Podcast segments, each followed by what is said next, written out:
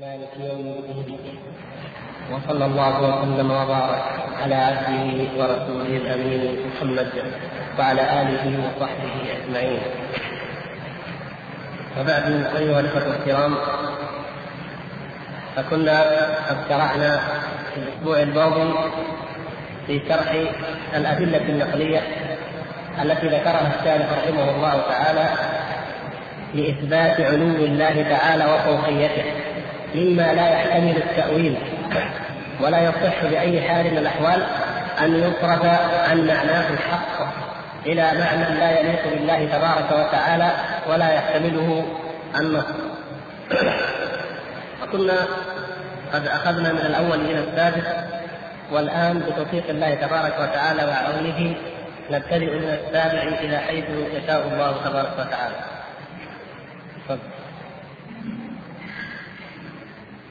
Amen.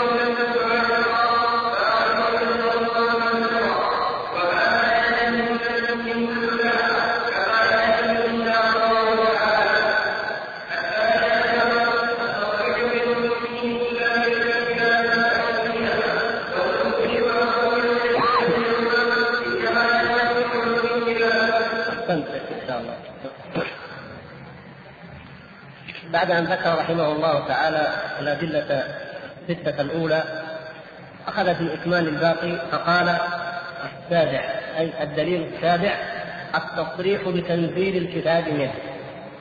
وهذا من أكثر المواضع وأشهرها في القرآن الكريم. أن الله سبحانه وتعالى أنزل الكتاب أو نزل الكتاب. وهذا مما لا يخفى على كل مسلم يقرأ كتاب الله تبارك وتعالى. فكل من يقرأ القرآن يعلم أنه منزل من عند الله وأن الله تبارك وتعالى ذكر ذلك في آي كثير من كتابه والتنزيل إنما يكون من العلو من الملأ الأعلى إلى إلى جهة العلو أو من العلو إلى السفل فذلك يدل على أن الله سبحانه وتعالى فوق المخلوقات. ومن ذلك ما ذكره رحمه الله تعالى من الآيات كقوله تعالى تنزيل الكتاب من الله العزيز العليم في أول سورة غافر وكذلك تنزيل الكتاب من الله العزيز الحكيم في أول سورة الزمر. وكذلك تنزيل من الرحمن الرحيم في أول سورة فصلت تنزيل من حكيم حميد أيضا في السورة نفسها. قل نزله روح القدس من ربك بالحق. إلى آخر الآيات. وكلكم كل المسلمين تقريبا الحمد لله يحفظون قوله تعالى إنا أنزلناه في ليلة القدر. وما أدراك ما ليلة القدر. وكل المسلمين في رمضان وفي غيره يعلمون أو يفكرون أو يعتقدون أن ليلة القدر حق وأنه فيها أنزل القرآن. كما قال تعالى شهر رمضان الذي أنزل فيه القرآن. فإذا الإنزال أو التنزيل إنما يكون من فوق إلى أسفل فكل ما ورد من هذه الآيات فهو دليل على علو الله تبارك وتعالى. ويفسر ذلك ويجليه ما صح من كيفية نزول الوحي على رسول الله صلى الله عليه وسلم. فإن جبريل من أي جهة جاءت؟ من العلو. نعم نزل به جبريل عليه السلام بالوحي أول ما نزل بإقرأ نزل وهو النبي صلى الله عليه وسلم في غار حراء من جهة العلو. وكذلك لما رآه في أجياد على هيئته التي خلقه الله تبارك وتعالى عليها وقد وقد سد الأفق. وهكذا في الآيات الآيات تشرحها وتوضحها أيضا الأحاديث. يضم ذلك إلى ما سبق من أن عروج الملائكة إلى السماء ونزول الملائكة من السماء. فالعروج لا يتصور ولا يصح في لغة العرب إلا من السفل إلى العلو كما أن مقابله النزول يكون من العلو إلى السماء ولهذا فإن الله تعالى يعلم ما يلد في الأرض وما يخرج منها وما ينزل من السماء وما يعرج فيها فهما صورتان متقابلتان. فالأرض ينزل ينزل إليها والسماء يعرج إليها ينزل جهتان متقابلتان. ولهذا فكأن كأن هناك كما تأتي إن شاء الله في آية من في السماء ونحوها أن أن العالم عالمان عالم سفلي وعالم علوي العالم السفلي هو الذي يطلق على هذه الأرض وما فيها وما حولها. والعالم العلوي أو الملأ الأعلى هو الذي هنالك عند الله تبارك وتعالى. فما كان من العالم العلوي إلى العالم السفلي فهو نزول وما كان من العالم السفلي إلى العلوي فهو عروج أو صعود كما في آية إليه يصعد الكلم الطيب. أقول إن هذه من المقررات الواضحة بل تكاد تكون من البديهيات الجلية لمن يقرأ أو يفقه في دين الله تبارك وتعالى شيئا. فلهذا جاءت الآيات الكثيرة في ذلك. ولهذا كما قال الشيخ رحمه الله في الدليل الثامن عشر يقول وهذه الأنواع من الأدلة لو بسطت أفرادها لبلغت نحو ألف دليل فعلى المتأول أن يجيب عن ذلك كله وهيهات له بجواب صحيح عن بعض ذلك نعم يؤولون ويؤولون لكن إلى متى؟ وإلى كم يؤول؟ لا يمكن أبدا فمهما أولوا فإنهم لا بد أن يتعسفوا في التأويلات ولا بد أن يجدوا أنفسهم أمام أدلة لا يصح تأويلها بأي حال من الأحوال ولهذا فإن يقول في الدليل الثالث يقول رحمه الله التصريح باختصاص بعض المخلوقات بأنها عنده وهذا الذي قلنا فيه إشارة إلى الملأ الأعلى المكرم. فيقول وأن بعضها أقرب إليه من بعض. هو لو أنه كما يقولون في كل مكان أو كما يقولون الأغرب من ذلك أنه لا داخل العالم ولا خارج ولا فوق ولا تحت ففيما وعلامة التصريح لأن هذا النوع من المخلوقات عنده أو أنه أقرب إليه. إذا كان الكل بالنسبة إليه فهم يقولون لا يثبت له جهة والجهة لا تتصور إلا في حق المخلوقات. ولو أثبت أو الإنسان ولو أثبتت له جهة لكان كذا ولكان كذا هذه اللوازم الباطلة. فنقول طيب ماذا تقولون في مثل هذا؟ في مثل ما يرد صريحا بالنص بأن بعض المخلوقات أقرب إليه سبحانه وتعالى من بعض وأنها عنده كما في هذه الآيات التي ذكرها وهي في وصف الملائكة الكرام كقوله تعالى إن الذين عند ربك آخر آية من سورة الأعراف إن الذين عند ربك لا يستكبرون عن عبادته ويسبحون له وله يسجدون. إن الذين عند ربك. طيب هؤلاء الذين عند ربك إذا كان الكل بالنسبة إليه سواء إذا كان كما يقولون في كل مكان بذاته عز وجل. ما معنى عند ربك؟ إذا الذين في الأرض أيضا أن عنده فإذا فهموا قوله تعالى وهو معكم أينما كنتم على غير وجهه الصحيح إذا فهموه فهما خاطئا كما يفهمه كل المؤولين الذين ينكرون علو الله. فيقولون وهو معكم أينما كنتم إذا نحن عنده أينما كنا فنحن عنده. طيب وهو ونحن أقرب إليه من حبل الوريد أيضا يفهمونها كذلك. اذا فنحن عنده دائما.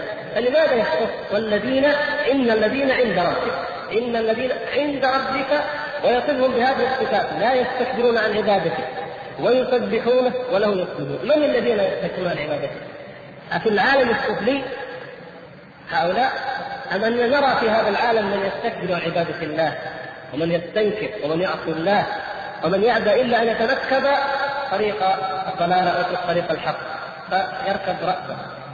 فإذا هذا مما يدل دلالة صريحة لا تحتمل التأويل على علو الله سبحانه وتعالى. فاختصاص هذا الملأ هذا الملأ الأعلى الذي هو خير من الملأ الأسفل بهذه بهذا الأمر بهذا القرب من الله سبحانه وتعالى وباستدامة ودوام الطاعة لله تبارك وتعالى من تسبيح وعبادة لا تنقطع ولا يفترون عنها هذا مما يدل ويؤكد على أن الله سبحانه وتعالى في السماء عال على جميع المخلوقات. ولهذا فالشيخ رحمه الله في آية الأنبياء وله من في السماوات والأرض ومن عنده لا يستكبرون عن عبادته. يقول فرق بين من له عموما وبين من عنده من ملائكته وعبيده خصوصا. لأنه يقولون ومن عنده أي الذين له المؤولون ومن عنده يقولون يعني لأنهم ملكه لأنهم في سلطانه. طيب هو قال وله من في السماوات والأرض. الكل له الكل له. لكن هذا الذي كله له منه نوع خاص موصوف بأنه عنده. إذا ليس الكل عنده وإنما الذين عنده هم الذين هذه حالهم وهذه صفتهم وهي عدم الاستكبار التسبيح المستمر الذين يسبحون الليل والنهار لا يكفرون عباد مكرمون اصطفاهم الله سبحانه وتعالى وفضلهم بهذه العبادة. فكيف يصح أيضا أن يقال إن كل المخلوقات سواء فالكل له والكل عبيده عبودية القهر والغلبة. كلهم عبيد لله سبحانه وتعالى. لكن الذين جبلوا وخلقوا على العبادة التي لا يخالقها ولا ينافذها معصية وعلى الذكر والتسبيح الذي لا يخالقه ولا يعتريه غفلة هم الذين عنده. هم الملأ الأعلى المكرم الذين عنده سبحانه وتعالى فاختصوا بذلك. فهذا الاختصاص دليل على علوه سبحانه وتعالى. ولا يشك عاقل من الناس من يفهم في كتاب الله وسنة رسوله صلى الله عليه وسلم أن الملائكة في الملأ الأعلى وأن إبليس وجنوده هم الذين في جهة السفل نعوذ بالله من شرها ويقول وقول النبي صلى الله عليه وسلم في الكتاب الذي كتبه الرب تعالى على نفسه أنه عنده فوق العرش وهذا قد تقدم قد تقدم ان لم نقل قبل يمكن أسبوعين أو ثلاثة حديث أبو هريرة رضي الله تعالى عنه لما قضى الله الخلق كتب في كتاب فهو عنده فوق العرش إن رحمتي سبقت أو إن رحمتي غلبت غضبي فهو في كتاب عنده فوق العرش. فإذا قلنا إن كل الكتب إن إنه في كل مكان كما يقولون. فكل كتاب عنده في أي مكان؟ في الأرض في باطن الأرض في بين السماء والأرض في السماء الدنيا في السماء الرابعه في السماء السابعة كله عنده. يوصف بأنه عنده على قولهم. لكن الواقع والحقيقة أن الله سبحانه وتعالى عندما قال فهو في كتاب عنده فوق العرش.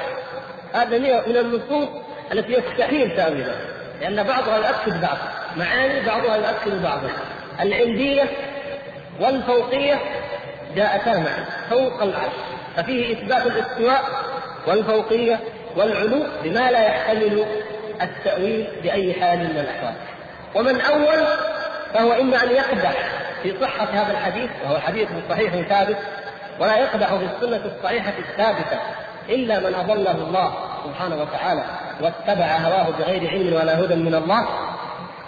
فإن قدح بصحته فقد أخرج نفسه من جملة من يتمسكون أو يتسمون بالسنة كما يدعيها بعضهم. هذا أبدا. وإن قال الحديث صحيح لكن لابد أن يؤول فكيف يؤول ما جاء فيه عنده فوق العرش؟ بأي شكل من أشكال التأويل يمكن أن يقبل هذا.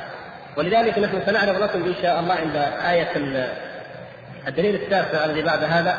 نعرض لكم بعض تأويلاتهم لأن آية تبارك الملك لأن يقولون إنها تحتمل وأكثر فيها من التأويل. فنعرض لكم بطلان تأويلهم فيها وهي التي يقال أو يمكن عقلا أن تحتمل التأويل. فكيف بما لا يحتمل التأويل كهذا الحديث؟ فيقول في الدليل التاسع التصريح بأنه تعالى في السماء. كما في قوله تعالى ماذا؟ أأمنتم من في السماء أن يخسف بكم الأرض فإذا هي تموت. نعوذ بالله من غضب الله ومن أمره من عذابه أأمنتم من في السماء؟ انظروا. القرآن قد جاء بأبلغ وأرقى الأساليب العربية. أأمنتم من في السماء؟ المعنى أوقع في القلوب وأجدر لو قيل في غير القرآن أأمنتم الله أن يرسل عليكم. أأمنتم من في السماء؟ فيها دلالة أقوى وأرجع وأجدر وأبلغ وقعا على القلوب. وأهل السنة عندما جاءوا إلى تفسيرها الصحابة السلف التابعون لم يخوضوا في مسألة من الذي في السماء ولم يبحثوا. أمر بدهي أمر لا يحتاج إلى أن يشرح. هذه من النوع الذي كما قال ابن عباس رضي الله تعالى عنه في أنواع التفسير وتفسير تعرفه العرب من كلامها. ما يحتاج مفسر ما يحتاج يسأل عنه. لا يحتاج أحد يأتي إلى ابن عباس رضي الله تعالى عنه ويقول يا حضر الأمة يا في جمال القرآن. من هو؟ مثل من في السماء؟ من الذي في السماء؟ ما يقول حتى الأعراب ما يقولون. شيء بدهي قطعي معروف.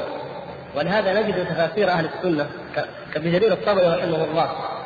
عندما يذكر العادة أنه رحمه الله يذكر الآثار الواردة عن السلف في تفسير أي آية من الآيات التي تحتمل أو فيها تفسير.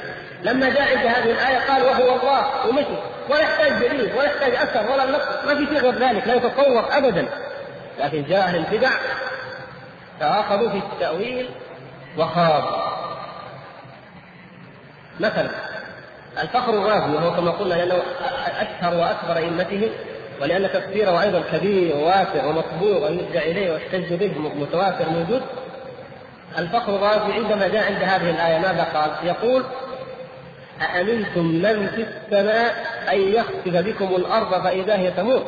هذه كقوله تعالى قل هو القادر على أن يبعث عليكم عذابا من فوقكم أو من تحت أرجلكم. نقول له طيب ماشي فنحتاج نحن أن نرد عليه بهذه الآية. سوف نحتاج بعد قليل أن نرد عليه بهذه الآية نفسها. لكن هو يريد أن يقول ماذا؟ ماذا يقصد بهذا؟ يريد أن يقول إن هذه ليست من آيات الصفات. ليس لها دخل بالصفات المقصود بها إثبات أن الله سبحانه وتعالى يعذبهم. قادر على أن يعذبهم. فقط. هذا ماذا؟ يريد ذلك. ويقول هذا الكلام عند هذه الآية عند آية تبارك في الجزء الثلاثين من تفسيره صفحة 69 فهو يقول أنه لا يمكن إجراؤها على ظاهرها باتفاق المسلمين. لا يمكن إجراء هذه الآية على ظاهرها باتفاق المسلمين. باتفاق المسلمين. يعني آية من القرآن واضحة جلية. لا يمكن نجريها على ظاهرها باتفاق المسلمين. لما؟ أي ما هذا الظاهر؟ قال لأن إذا قلنا في السماء السماء جزء من مخلوقاته وفوقها العرش وأكبر منها فإذا كان فيها فكيف يكون بعض مخلوقاته يحيط به وبعضها أكبر منه؟ وكذا ودخل في كلام من قال لك أن هذا هو ظاهر الآية؟ من قال لك أن المعنى الذي يفهمه المسلمون من الآية هو أنه محصور في هذه القطعة الرقعة التي تسمى السماء من الذي فهم هذا؟ هذا المعنى ما فهمه أحد من سلف الأمة ومن علمائها. حتى جاء هؤلاء القوم فهموا هذا الفهم. لماذا؟ ال- الذين أو من أحد أسباب دخول هذا الفهم في كتاب الله سبحانه وتعالى العزمة يا إخوان العزمة. يعني أوضحها لكم بطريقة مبسطة. واحد جاء يتعلم اللغة العربية. يريد أن يتكلم اللغة العربية يريد أن يفهمها. أخذ له قاموس طويل يعني ما نقول مختار الصحاح. أصغر قاموس زين الكلمة ومعناها. بس فأخذ السماء مكتوب فيها هذه التي صفتها كذا وكذا السماء المعروفة. بس حفظ ان هذه السماء. جاء يقرأ القرآن. كل ما يجد آية فيها السماء يتصور انه هي هذه بس هو هذا على قد ما فهم من اللغة. فتأتي آيات والله ما يمكن. كيف هذا؟ لا يمكن نجري على ظاهرها. فلو قرأ هذه الآية وما يعرف من لغة العرب ولا يفهم من كتاب الله إلا هذا المعنى فقط. قال هذا لا يمكن. وقف على ذلك كثيرا من صفات الله سبحانه وتعالى. ومن معاني القرآن حتى في الأحكام الشرعية في غير الصفات. وهذه العزمة جاءت من موضعين. إما لأنهم بالفعل بالفعل لم يكونوا لا يدركون من المعاني إلا هذا يعني بمعنى أنهم يجهلون تفسير القرآن. لم يطلعوا على تفاسير السلف ولا يستطيعون أن يتوسعوا في لغة العرب.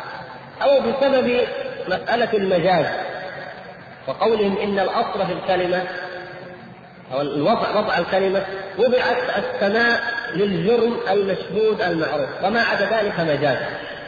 مثلا فإذا أتوا بهذا الوضع الذي لا دليل عليه ولا يستطيع أحد أن يقوله ولا يستطيع أحد عفوا أن يثبته. ما يستطيع أحد أن يثبت أن العرب أرادت بالسماء هذه أو أرادت باليد الجارحة أو أرادت بالعين مثلا هذه أو الذهب كذا.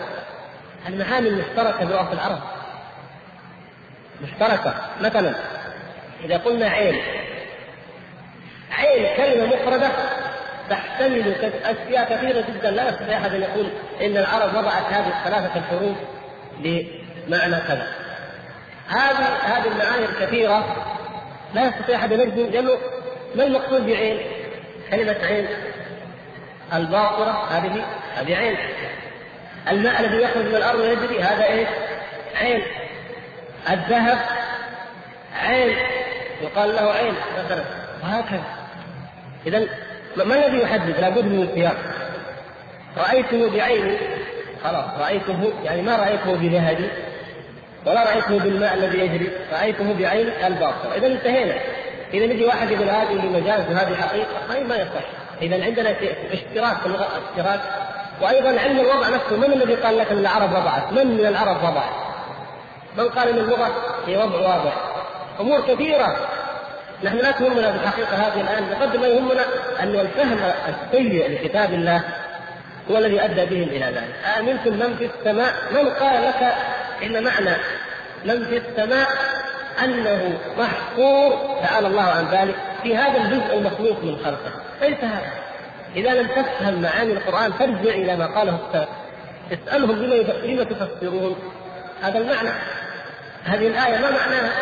فإذا وضحوا لك ذلك فانتهى الأمر. فكل عربي نزلت عليه هذه الآية وقرئت. في القرون الثلاثة الأولى لن يفهم ما فهمه هؤلاء. حتى ظهر علم الكلام والبدع والتأويلات التي ليست أصلا من لغة العرب فضلا عن أن تكون من دين الإسلام. ثم يقول يقول لا بد أن تؤول الآية. يقول الرازي لا بد أن تؤول على أربعة وجوه على أحد الوجوه الأربعة وانظروا الذي يدلكم على أنها باطلة وكثرتها لأن لو كان الله سبحانه وتعالى إذا أراد المعنى أو أنزل آية وفهمها الصحابة والتابعون على معنى معين واضح ولا يحتمل غيره، لكن أما أن يقول تحتمل هذه الأربعة على تناظرها فمعنى ذلك أن هذه الأربعة مخارج فقط، مخارج من المأزق وليست مما يدل عليه النص. يحتملها جميعا بغير ترجيح لأحدها على الآخر اذا هي مجرد مخارج. يعني خرجها عن معناها. الصحيح إلى أي من هذه؟ المهم كما تشاء كما تشاء المهم الا تثبت حقيقتها. الدالة عليها. المعنى الأول يقول أن يقال أأمنتم الذي عذابه في السماء. أأمنتم من في السماء؟ أي الذي عذابه في السماء. طيب. فأنت في أول كلامك تقول ماذا؟ إن هذه الآية هي مثل قوله تعالى قل هو القادر على أن يبعث عليكم عذابا من فوقكم أو من تحت أرجلكم. إذا عذابه في السماء فقط. ما هي الآية اللي دوبها قلت في الأول ولا لا؟ لاحظتم كيف؟ إذا العذاب عذاب الله في السماء. آمنتم من في السماء؟ عذابه. يصح هذا في كلام الله عز وجل. عذابه في السماء فقط. الآية التي في أول التي في الأنعام تدل على أن العذاب يمكن أن يأتي من السماء أو من تحت الأرجل. وهذا الذي استعاذ منه النبي صلى الله عليه وسلم. استعاذ بالله تعالى. من العذاب يأتي من السماء ومما يأتي من تحت الأرجل فأجابه ربه. فلما استعاذ من النوع الثالث أو يلبسكم شيعا ويذيق بعضكم بأس بعض قال أما هذه فلا. نسأل الله العفو والعافية. فمما عذب ممن عذب بعذاب من اسفل ليس في السماء من؟ قارون فخسفنا به وبداره الأرض. طيب هذا العذاب عذاب جاءه من تحت قدمه. والرجل الذي متى يتبختر في حلة؟ فخسف الله تعالى بالارض ويتزلزل فيها إلى قيام الساعة نسأل الله العافية ولذلك لما ذكر الله سبحانه وتعالى أنواع العذاب فكلا أخذنا بذنبه إلى قال في ومنهم من خسفنا به الأرض هذا أنواع. أنواع. أن بعض الناس يأتيه العذاب من فوق وبعض الناس يأتيه العذاب من اسفل اذا الآيات والأحاديث والواقع واقع الأمم الواضح يدل على أن عذاب الله نسأل الله عز وجل يعافينا وإياكم من عذابه وأن يعافي هذه الأمة منه. قد يأتي من فوق قد يأتي من اسفل فكما أنه يأتي من السماء فهو يأتي أيضا من الأرض. حتى عذاب قوم نوح جاءهم من الجهتين. كيف من الجهتين؟ أمر هذه وأمر هذه نعم. تلك جاءت بماء منهمر وفجرنا الأرض. فالتقى الماء على أمر قد قدر التقى عذاب الله الذي جاء من السماء نعوذ بالله من المطر والتقى الذي جاء من الأرض فكان الفيضان كان الطوفان. عافانا الله وإياكم إذا ممكن قال عذاب من هنا ومن هنا. فكوننا نقول إن قوله تعالى أأمنتم من في السماء أي من في السماء عذابه؟ إذا له. هذا كلام خطأ باطل لا يصح أن يفسر به كلام الله سبحانه وتعالى. يقول بعد ذلك الثاني أن يقال إن هذا الكلام قوله آمنتم من في السماء إذا قصد به الله تعالى يعني ذاته سبحانه وتعالى في السماء فيكون جريا على قول العرب جريا على كلام العرب. ونقل ذلك عن أبي مسلم. أبو مسلم هذا من هو؟ إذا قيل قال أبو قيل أو قال أبو مسلم في علم الكلام أو في الأصول. هذا أبو مسلم الأصفهاني. أبو مسلم الأصفهاني هذا رجل شاذ غريب له آراء غريبة منها أنه يقول بالبداء على الله تعالى وهو القول الذي تقول به اليهود والرافضه تعرفوا معنى البداء ولا نسيتم؟ نسيتم. البداء. تفضل. البداء. نعم يعني أن الله تعالى يريد أمرا ثم يبدو له أمرا آخر. إيش معنى هذا؟ يعني أردت أن تفعل فعل على أساس أنه صحيح. بدا لك غيرت رأيك. هذا هذا يوصف الله عز وجل بهذا. المقصود أن هذا من مذهب اليهود. واصفهان بلد اليهود بلد اليهود في ذلك الزمن والآن وإلى أن يخرج الدجال فيتبعه من يهود أصفهان سبعون الفا كما صح في الحديث. فهذا الرأي لا يثبت بل لقد نجزم أنه تسرب إلى الروافض وإلى أبي مسلم الأصفهاني من اليهود هذا من اليهود. المقصود أن أبا مسلم هذا تقعر وتفلسف وقال يمكن يمكن أن تجرى الآية على ظاهرها. وجد أنه معنى غير الظاهر ما يمكن. طيب اذا إذا اجريناه على ظاهرها إذا ثبت أن الله في السماء إذا تثبت العلو يا أبا مسلم. قال لا. الآية تقول آمنتم من في السماء جريا على عادة العرب في الجاهلية. المشبهة يعني بذلك أهل السنة المشبهة والعرب في الجاهلية يعتقدون أن الله في السماء. فمن عقائدهم الباطلة الله اعتقادهم أنه في السماء. شفت كيف الكلام؟ يقول من عقائد العرب في الجاهلية العقائد الشركية الباطلة اعتقادهم أن الله في السماء. فيخاطبهم على قدر عقولهم. يقول أأمنتم من تعتقدون أنه في السماء؟ أن يخسف بكم الأرض فعشان على قد فهمه. سبحان الله. يعني يصحح كلامه يصحح معناه. يعني إذا كانت هذه عقيدة باطلة فيأتي ويصححها. قالوا إن لله بنات. إذا يقول أأمنتم من له البنات أن يخسف بكم الأرض؟ يصح هذا الكلام ولا ينفي ذلك؟ الله سبحانه وتعالى. نفى ذلك؟ ويقول النصارى أأمنتم من له ابن وله صاحبة أن يخسف بكم الأرض. يمكن يعني لأن النصارى يعتقدون أن له ابنا وأن له صاحبة. تعالى الله عما يقول علوا كبيرا يصح هذا الكلام؟ لا يمكن أبدا.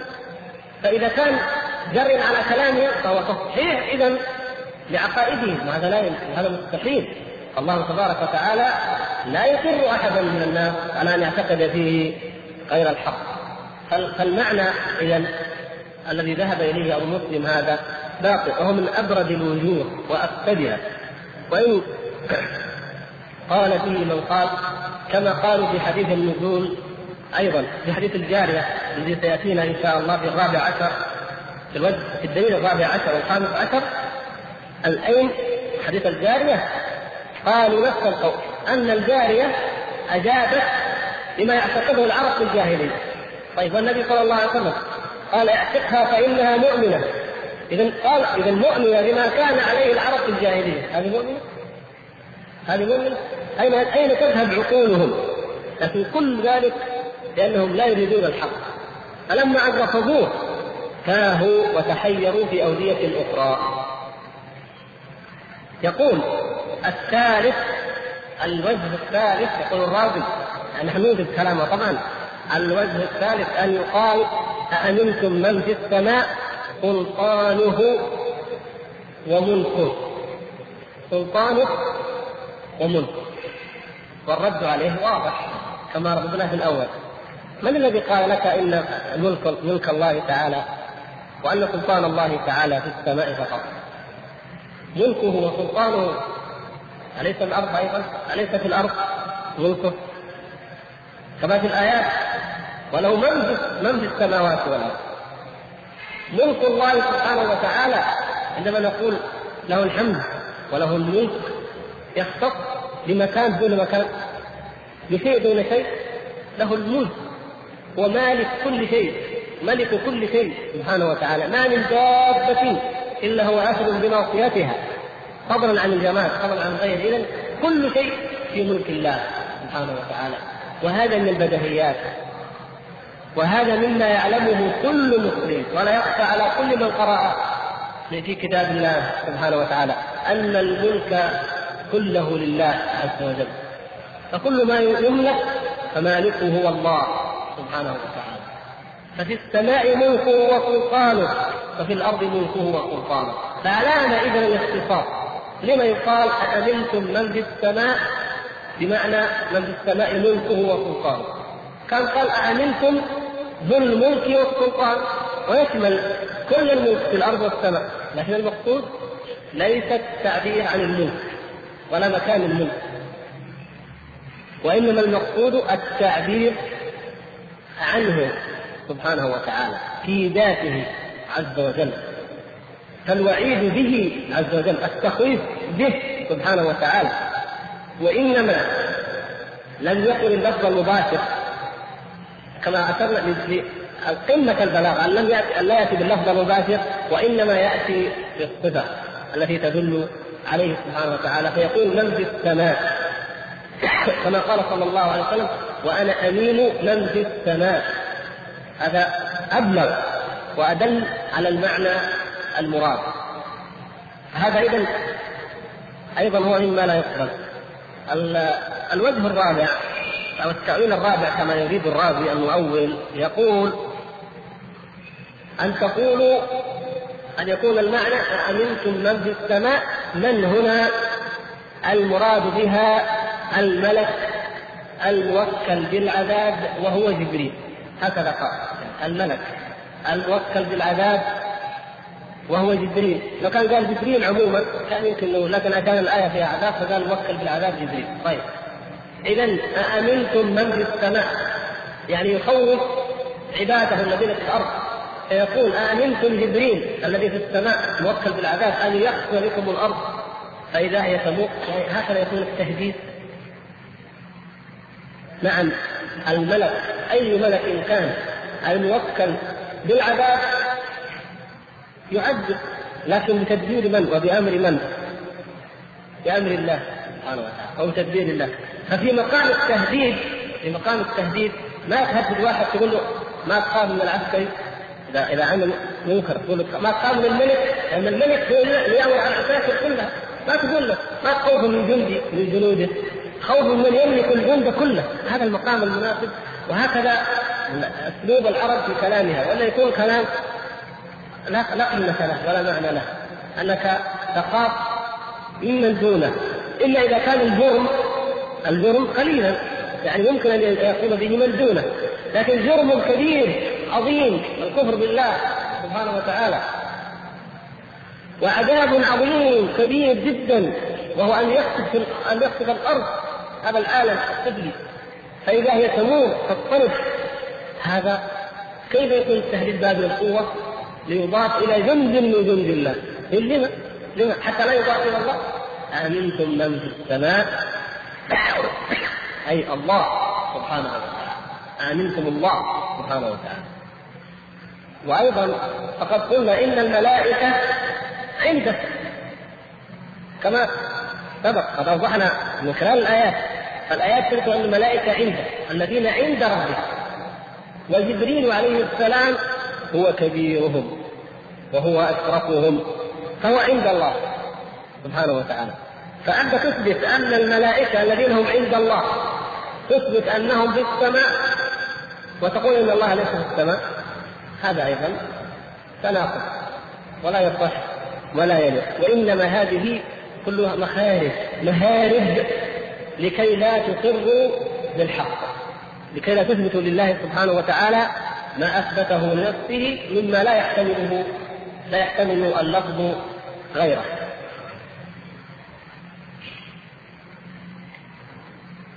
العاشر التصريح بالاستواء مقرونا بأداة على مختصا بالعرش الذي هو أعلى المخلوقات مصاحبا في الأكثر أو مصاحبا في الأكثر لأداة أو مصاحبا بالأداة.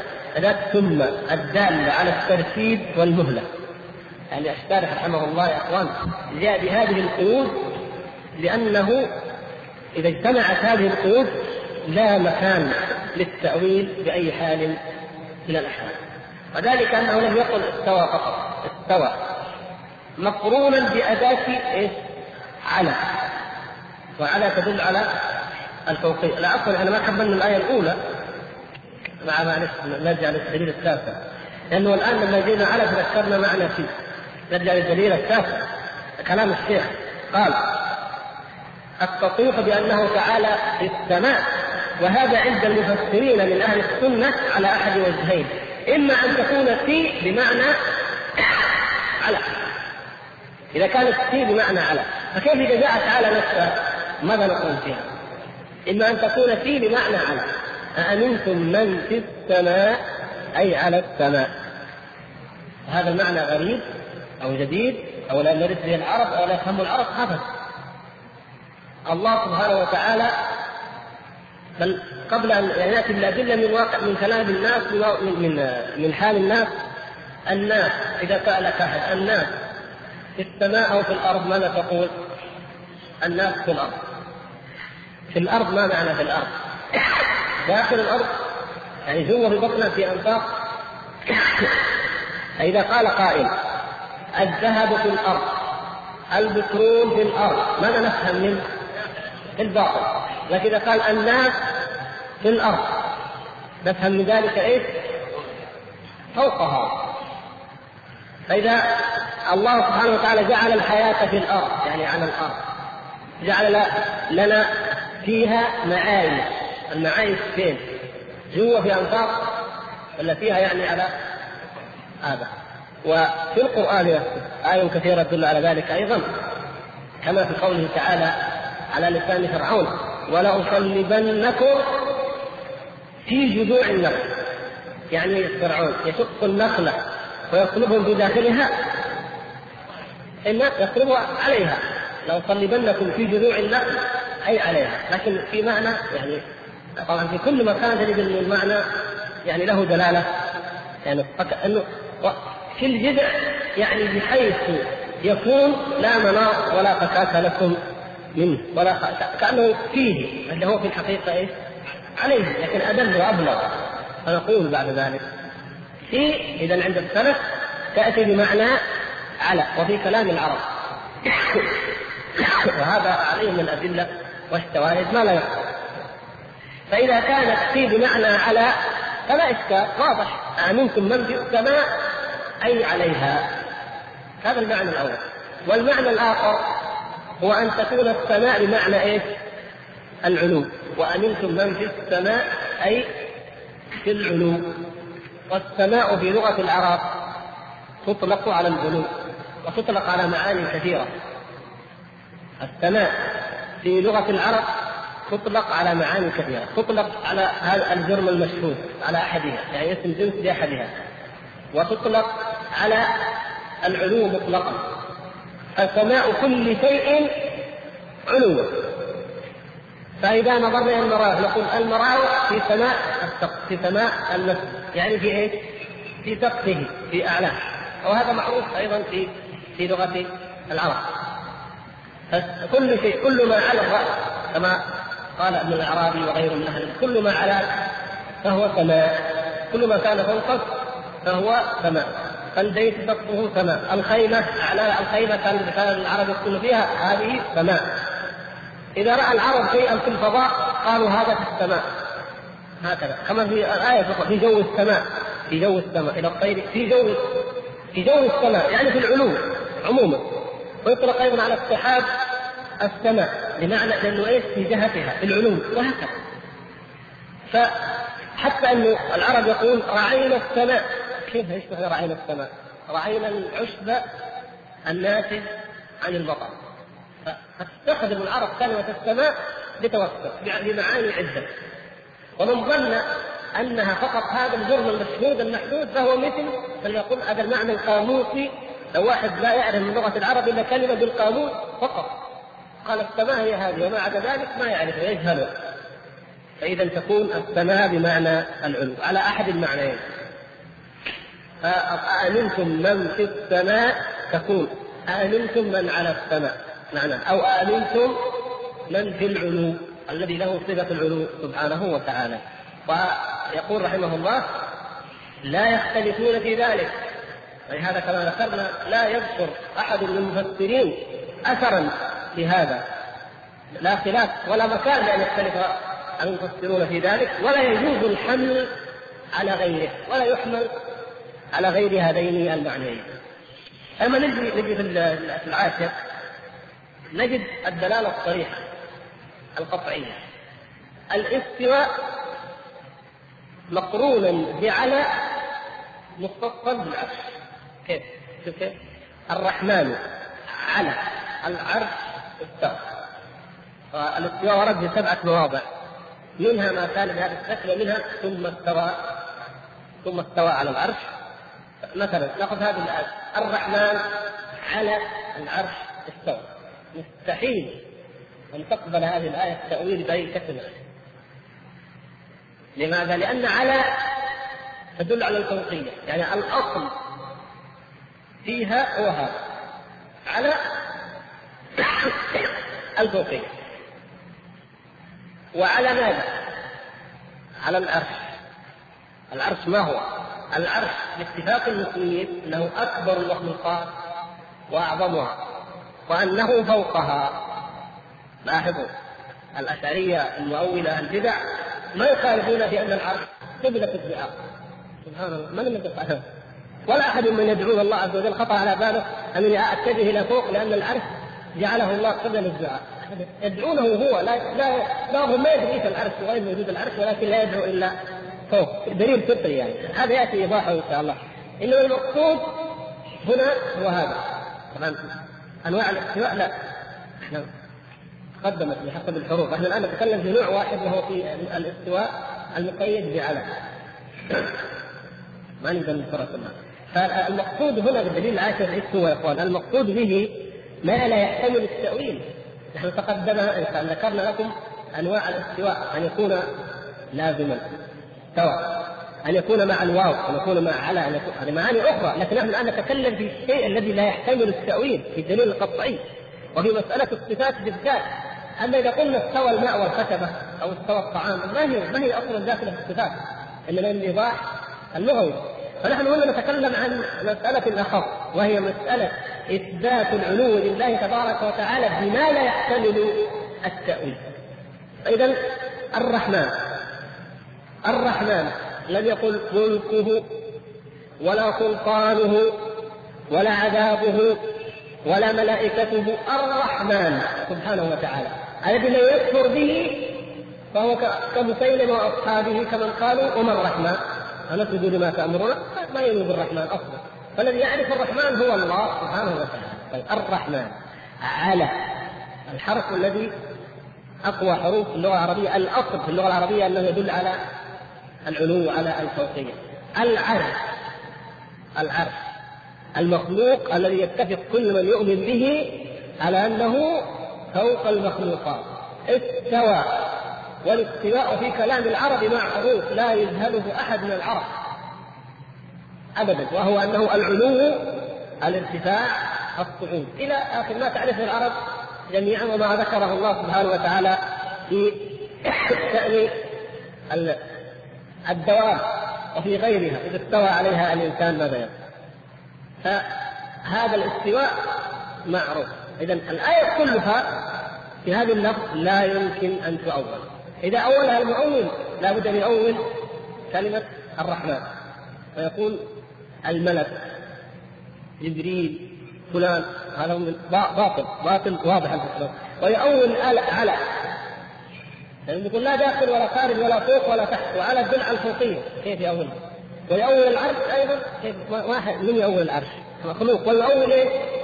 استوى بأنه استولى وهذا كلام باطل تمام البطلان فقول الذين يؤولون علو الله المنكرين لعلو الله بإنكار الاستواء هذا باطل. وانظروا يا إخوان عندما يعني حكمة لله سبحانه وتعالى. هذا القرآن عجيب عجيب والله لمن تفكر ولمن تدبر ولمن تأمل. العلو لأنه ثابت بالفطرة فتأتي الأدلة فيه يعني عامة. الاسم وهو العلي الحكيم مثلا إليه يصعد الكلم الطيب. تأتي أدلة متنوعة لكن الاستواء لأنه لا يدرك إلا بالنقل وبالنص يأتي بما لا يمكن أن يحتمل بأي حال من الحال يأتي مقطوعا مؤكدا بما لا يحتمل. فالرحمن على العرش استوى. ولذلك نجدهم في العلو يقول العلو والمكانة ما نجد إن شاء الله في إيه؟ في بعد كذا علو القهر وعلو المكانة. بعد أن ينتهي من الشريط الثامن عشر في صفحتين تقريبا. لكن هذا ما يمكن. الاستواء نقول استواء مكانة استواء القدر ما يمكن. فلهذا يعني جاء الدليل في الشيء الأخر. الذي يثبت لا يثبت لا تدركه العقول ولكن يثبت بالنص جاء النص فيه قطعي الدلالة. وكله قطعي لكن هنا آكد وأوضح كما ذكرنا. بانه ذكر الاستواء مقرونا بالاداء على مختصا بالعرش الذي هو أعلى المخلوقات.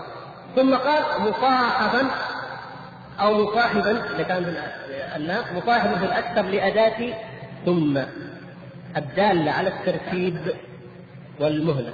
ثم يعني ثم استوى على العرش.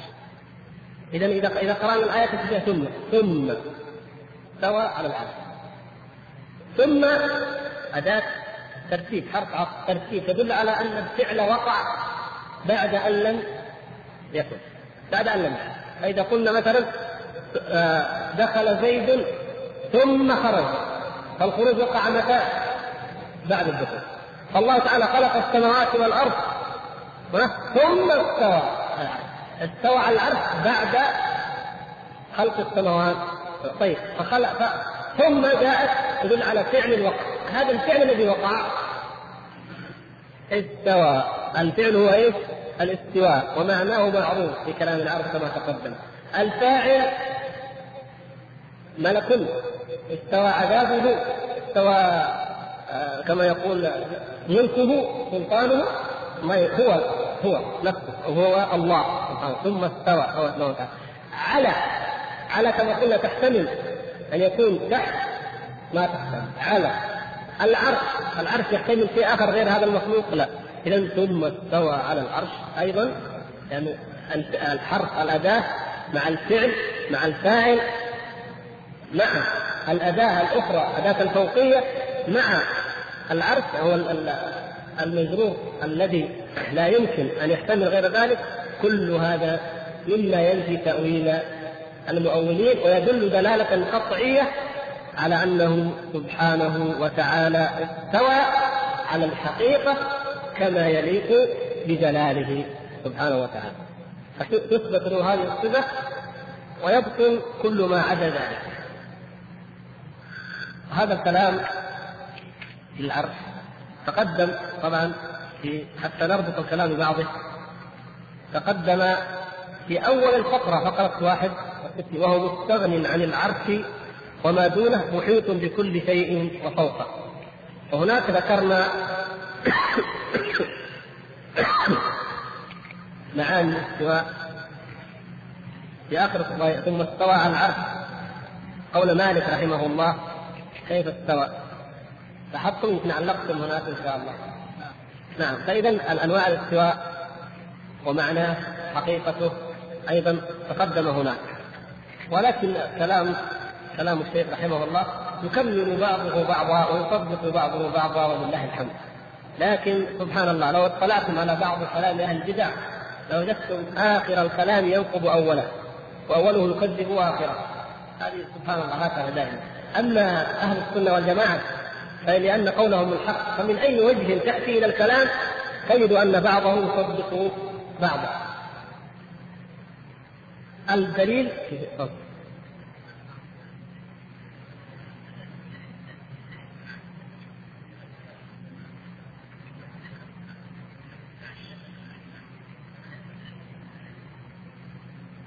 هو يعني يمكن هذا لكن ليس ما, ما عندنا مو هذا وقته.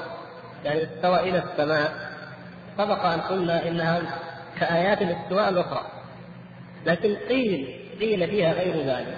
لا يستطيع المقام الآن تفصيل القول فيه لأن المقصود هنا هو ذكر ما لا يحتمل التأويل وما لا يقبل الخلاف وهو ما جاء فيه كما قلنا ثم استوى على العرش أو الرحمن على العرش استوى. ولهذا تجد قال في الأكثر مصاحب في الأكثر لأداة ثم. وقال في الأول مقرون بأداة على. الاستواء بإلى أو الاستواء إذا كان أداته إلى أو الاستواء إذا كانت أداته الواو أو يتجرد عن الأداة هذه ثلاثة الأنواع هذه لا لا تدخل عندنا هنا لأن إحنا شرحنا وقدمنا أنها أربعة أربعة أنواع الاستواء ولا ولا نسيت. أي إنسان ننسى الله المستعان إذا كان كل وقت بوقته كل درس بيوم مشكلة. فنحن كلامنا هنا عن نوع واحد فقط وهو ما كان بأداة على. نعم. لكن نجمل يعني حتى الإخوة لا تتضح الصورة دي. نقول إلى بمعنى على يعني أيضا إلى الواردة في القرآن ثم استوى إلى السماء وهي دخان أيضا بمعنى على.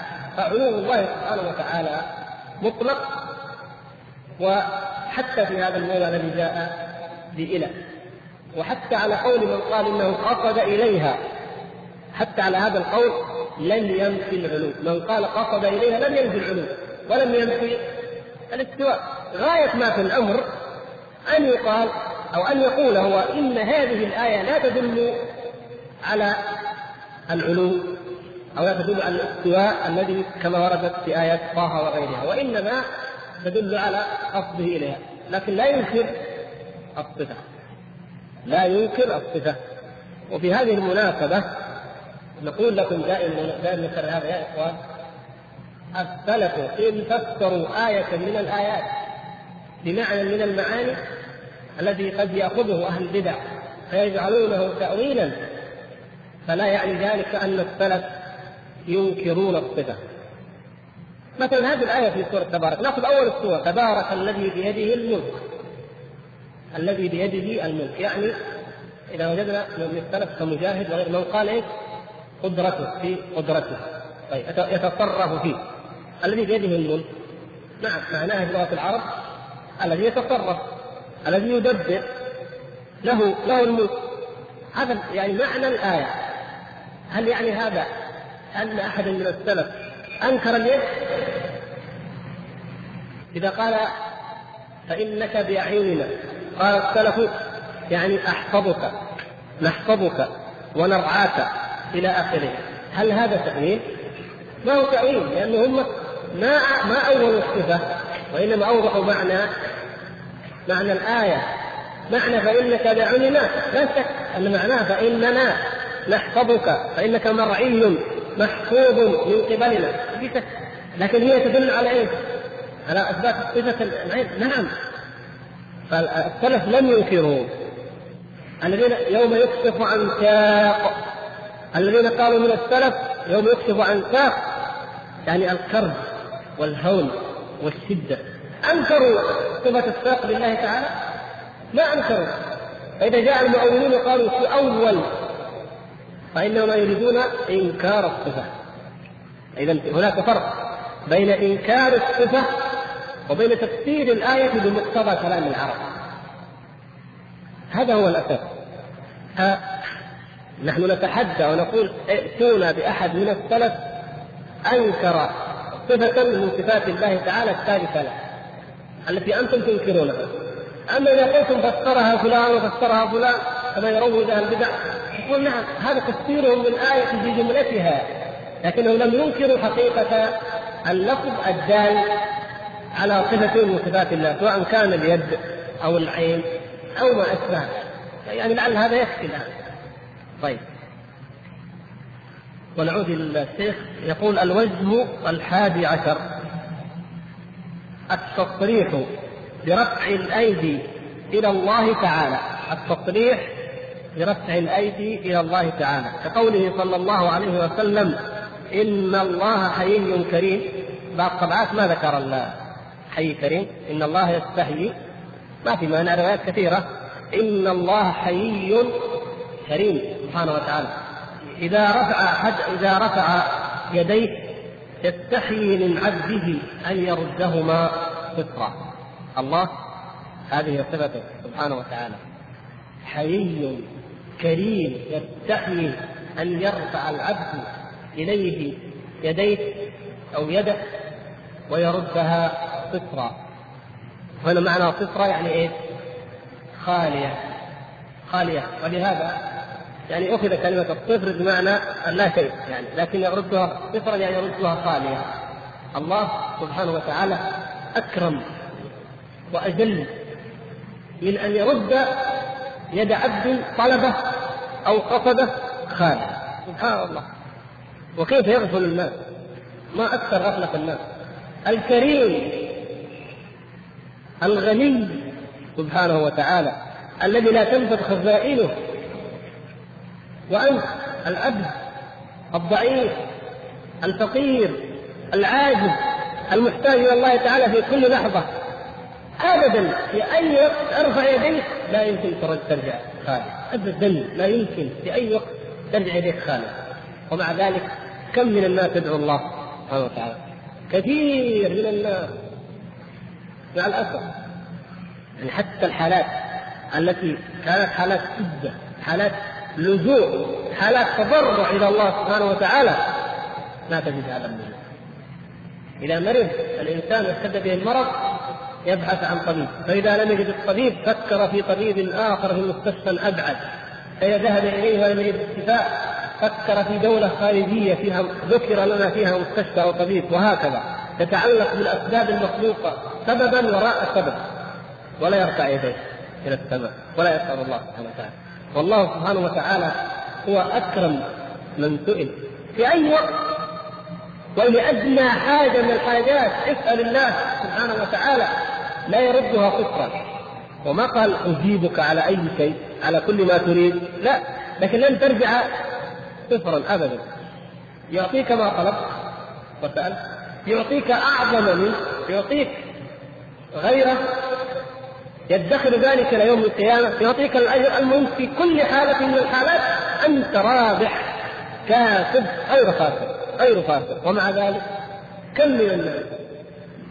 والله سبحانه وتعالى من رحمته حتى في أشد حالات العتو والاستكبار والتجبر على الله حتى من استحق أن يهلكه الله سبحانه وتعالى جزاء كفره وعناده وإعراضه مفتوح له الباب أن يدعو الله فيرفع الله تعالى عنه العذاب. ولقد أخذناهم بالعذاب. كما استكانوا من ربهم وما يتضرعون. سبحان الله. ما أحلمه وما أكرمه. إن الذين فتنوا المؤمنين والمؤمنات ثم لم يتوبوا. سبحان الله. يحرقون أولياءه. يحرقون المؤمنين بالنار في, في هذه الحفر. ومع ذلك يقول ثم لم يتوبوا يمكن يتوبوا يمكن نعم. وإذا تابوا يغفر لهم؟ نعم. التوبة تجب ما قبلها. اذا أي أي إله كريم سبحانه وتعالى أي كرم فوق هذا الكرم؟ ان الله حيي كريم.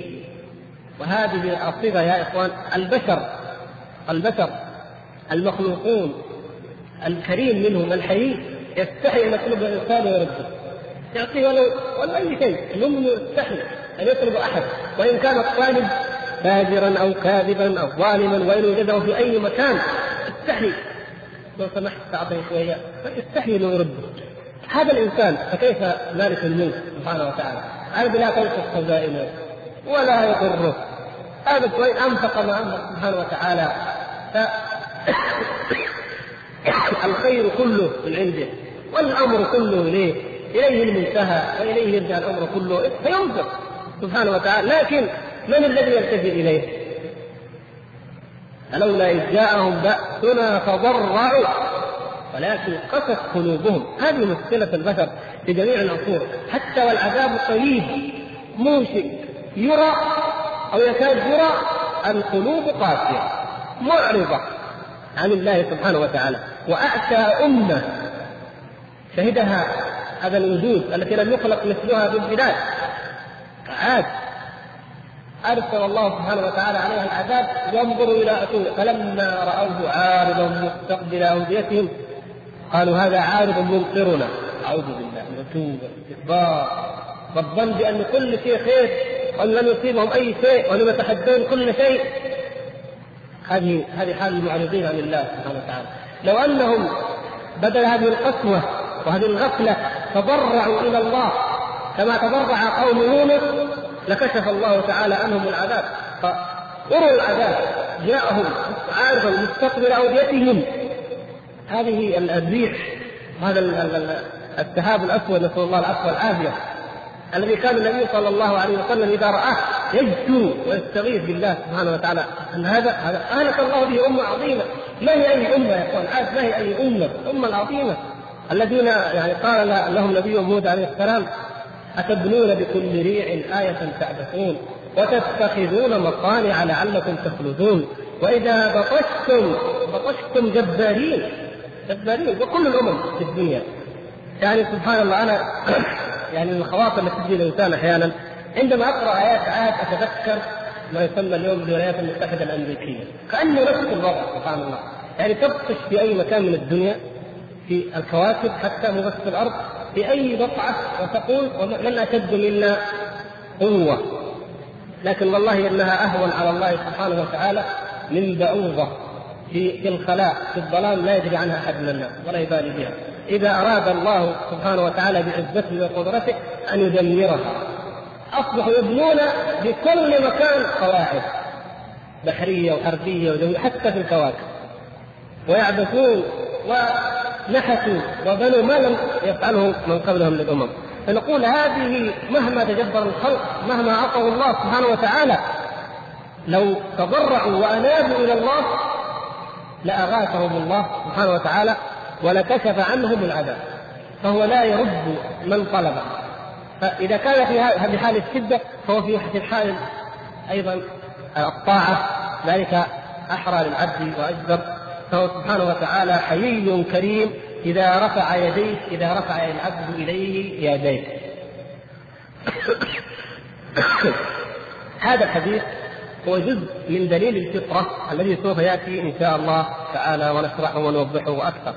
دليل الفطرة أن الفطرة كله كلها المخلوقة جميعا المؤمن والكافر كل منه فطرته تتجه إلى الله سبحانه وتعالى بجهة العلو وتدعوه بجهة العلو والذين يطلعون أو قرأوا أو يقرؤون أحيانا بعض القصص الذي يسمونه المآسي المأساة قصة المأساة.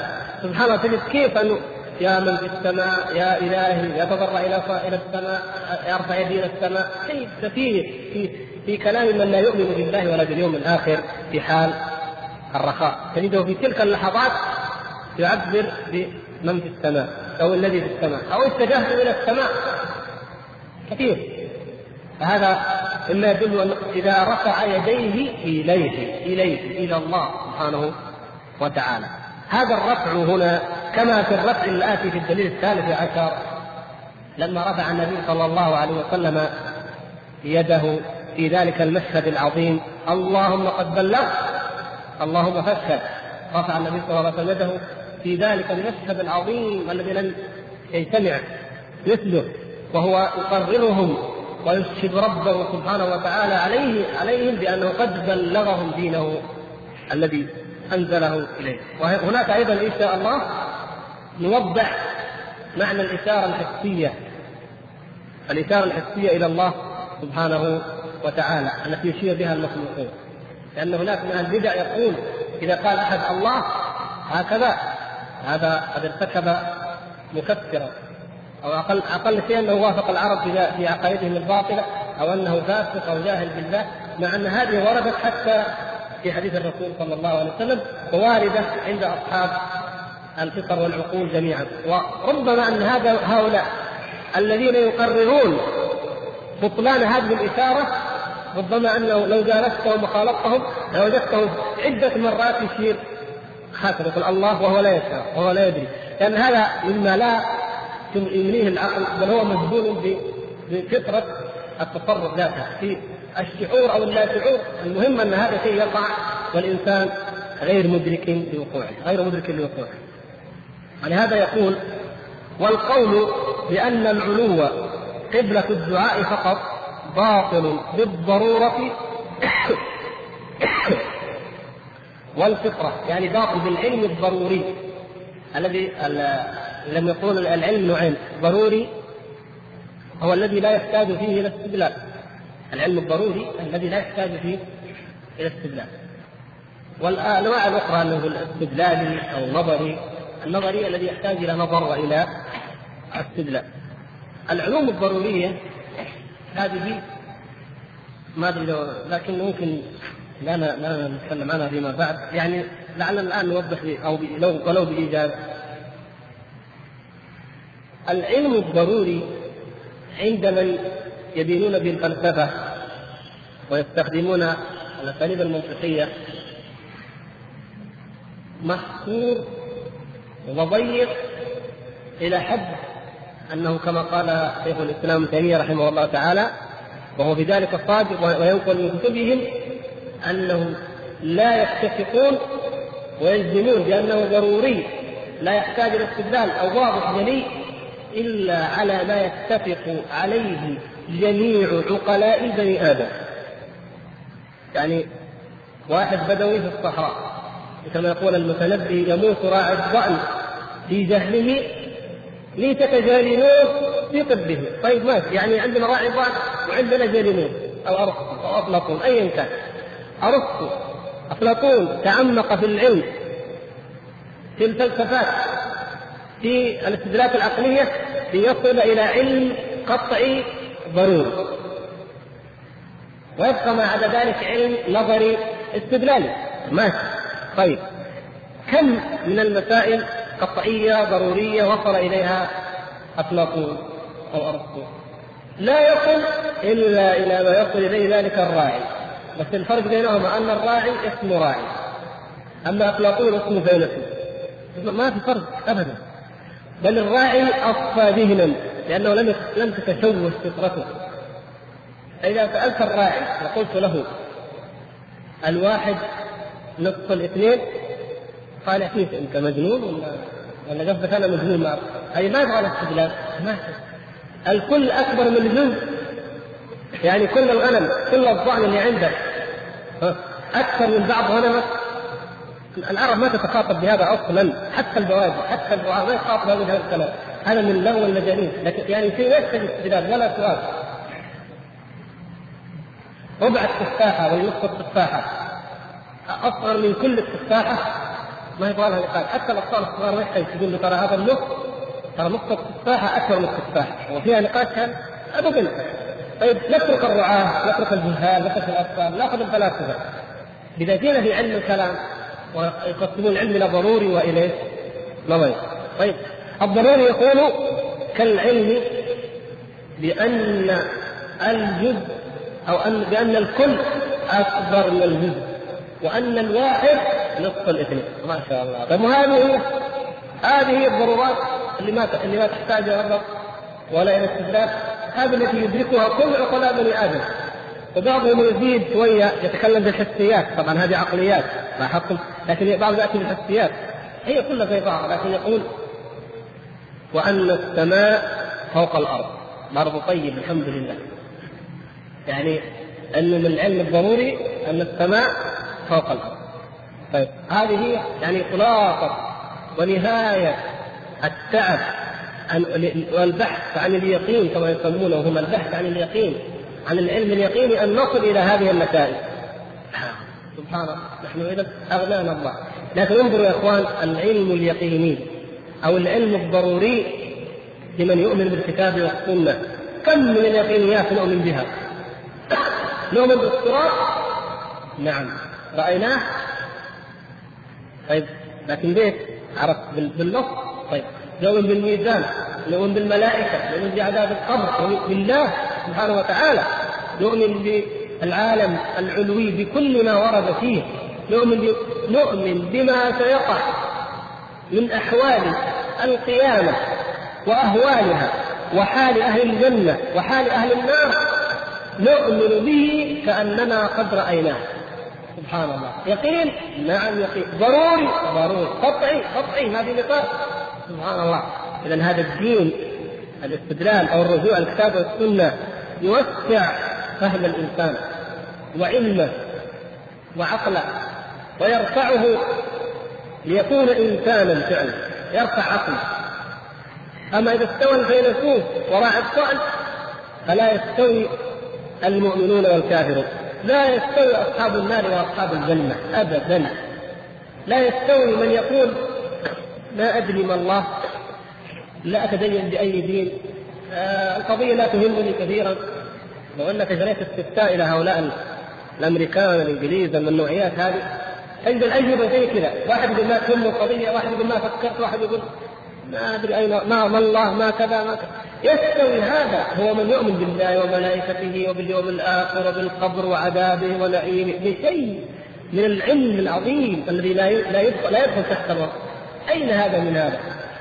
أين الذي كالدابه سائمة من ذلك الذي أعطاه الله سبحانه وتعالى هذا النور وقذف في قلبه هذا الايمان. فإذا القول بأن العلم العلو قبلة الدعاء فقط باطل بالضرورة في العلم الضروري وباطل بالفطرة أيضا وهذا سيأتي إيضاحه إن شاء الله. لكن حبينا أن نشير إلى هذا المعنى. يقول وهذا يجده من نفسه كل داء كل من يدعو الله سبحانه وتعالى كما يأتي إن شاء الله. إن دعا الله في جوف الأرض أو دعا الله بالطائره أو دعاه على سطح الأرض أو دعاه وهو في الملأ الأعلى فإن عنده شعور يعني في السماء فإن شعوره بدعاء الله يتجه إلى إلى فوق فيسأله سبحانه وتعالى إلى فوق.